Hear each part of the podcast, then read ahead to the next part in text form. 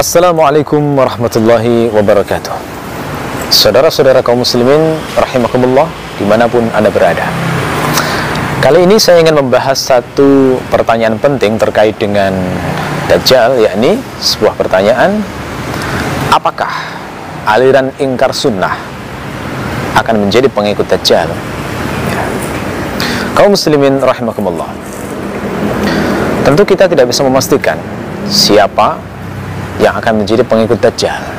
Tetapi kita bisa mengetahui ciri-ciri orang yang akan menjadi pengikut Dajjal.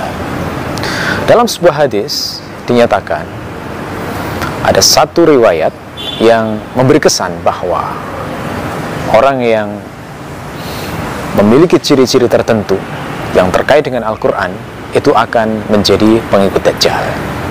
Saya bacakan riwayat hadisnya. Hadis ini diriwayatkan oleh Ibnu Majah dari sahabat Nabi yang bernama Ibnu Umar radhiyallahu anhu. Beliau mengatakan bahwa suatu saat Rasulullah sallallahu alaihi wasallam bersabda, "Yansha'u nash'un yaqra'una al-Qur'an la yujawizu taraqiyahum."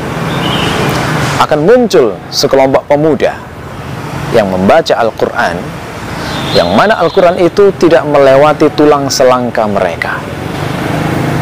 Kullama kharaja qarnun quti'ah. Setiap kali muncul generasi di kalangan mereka, maka mereka akan dibinasakan.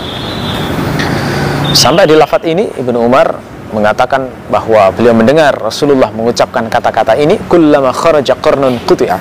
Setiap kali muncul generasi ini, maka kemudian mereka akan dibinasakan. Itu kata beliau sampai lebih dari 20 kali. Kemudian di akhir kata-katanya beliau mengatakan hatta yakhruja fi iradihimud dajjal. Hingga akhirnya akan muncul dajjal di tengah-tengah mereka.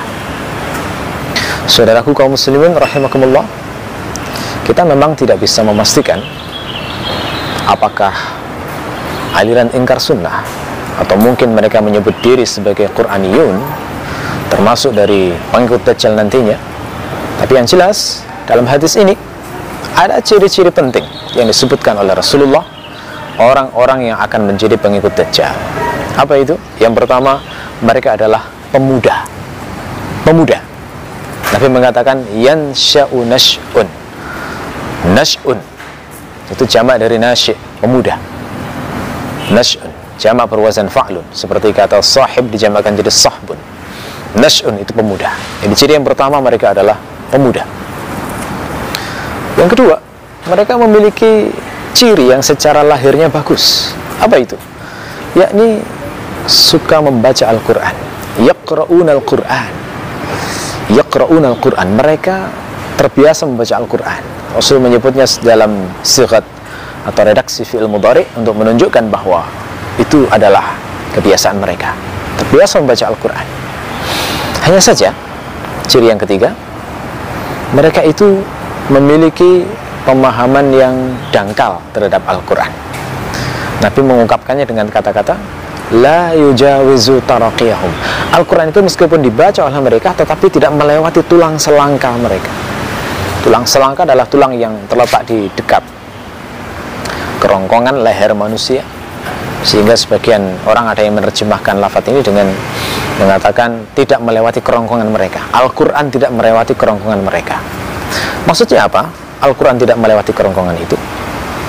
Al-Quran tidak melewati kerongkongan, maksudnya Al-Quran itu hanya lewat di lisan, tidak sampai meresap di dalam hati.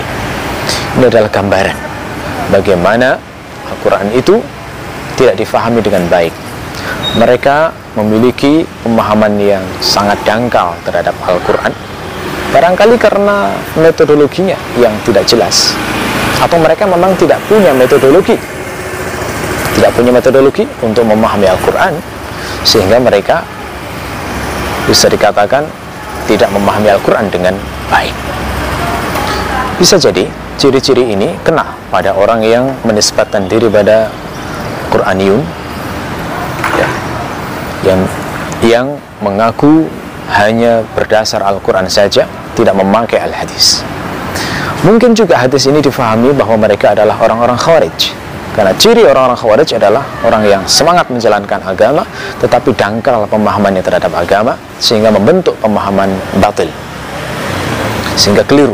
Yang semacam ini memang akhirnya akan sangat mudah dipengaruhi oleh Dajjal, dipengaruhi oleh manipulasi yang dilakukan oleh Dajjal. Dan karena itu, hadis ini seharusnya memberikan kewaspadaan kepada kita. Tidak cukup dekat dengan Al-Quran, tidak cukup sering berinteraksi dengan Al-Quran, tetapi Quran itu harus benar-benar meresap dalam hati, tidak hanya lewat di lisan, tapi tidak berpengaruh dalam hati dan perilaku. Jangan sampai kita termasuk golongan yang disinyalir Rasulullah ini nanti akan menjadi pengikut Dajjal. Mudah-mudahan Allah melindungi kita. Assalamualaikum warahmatullahi wabarakatuh.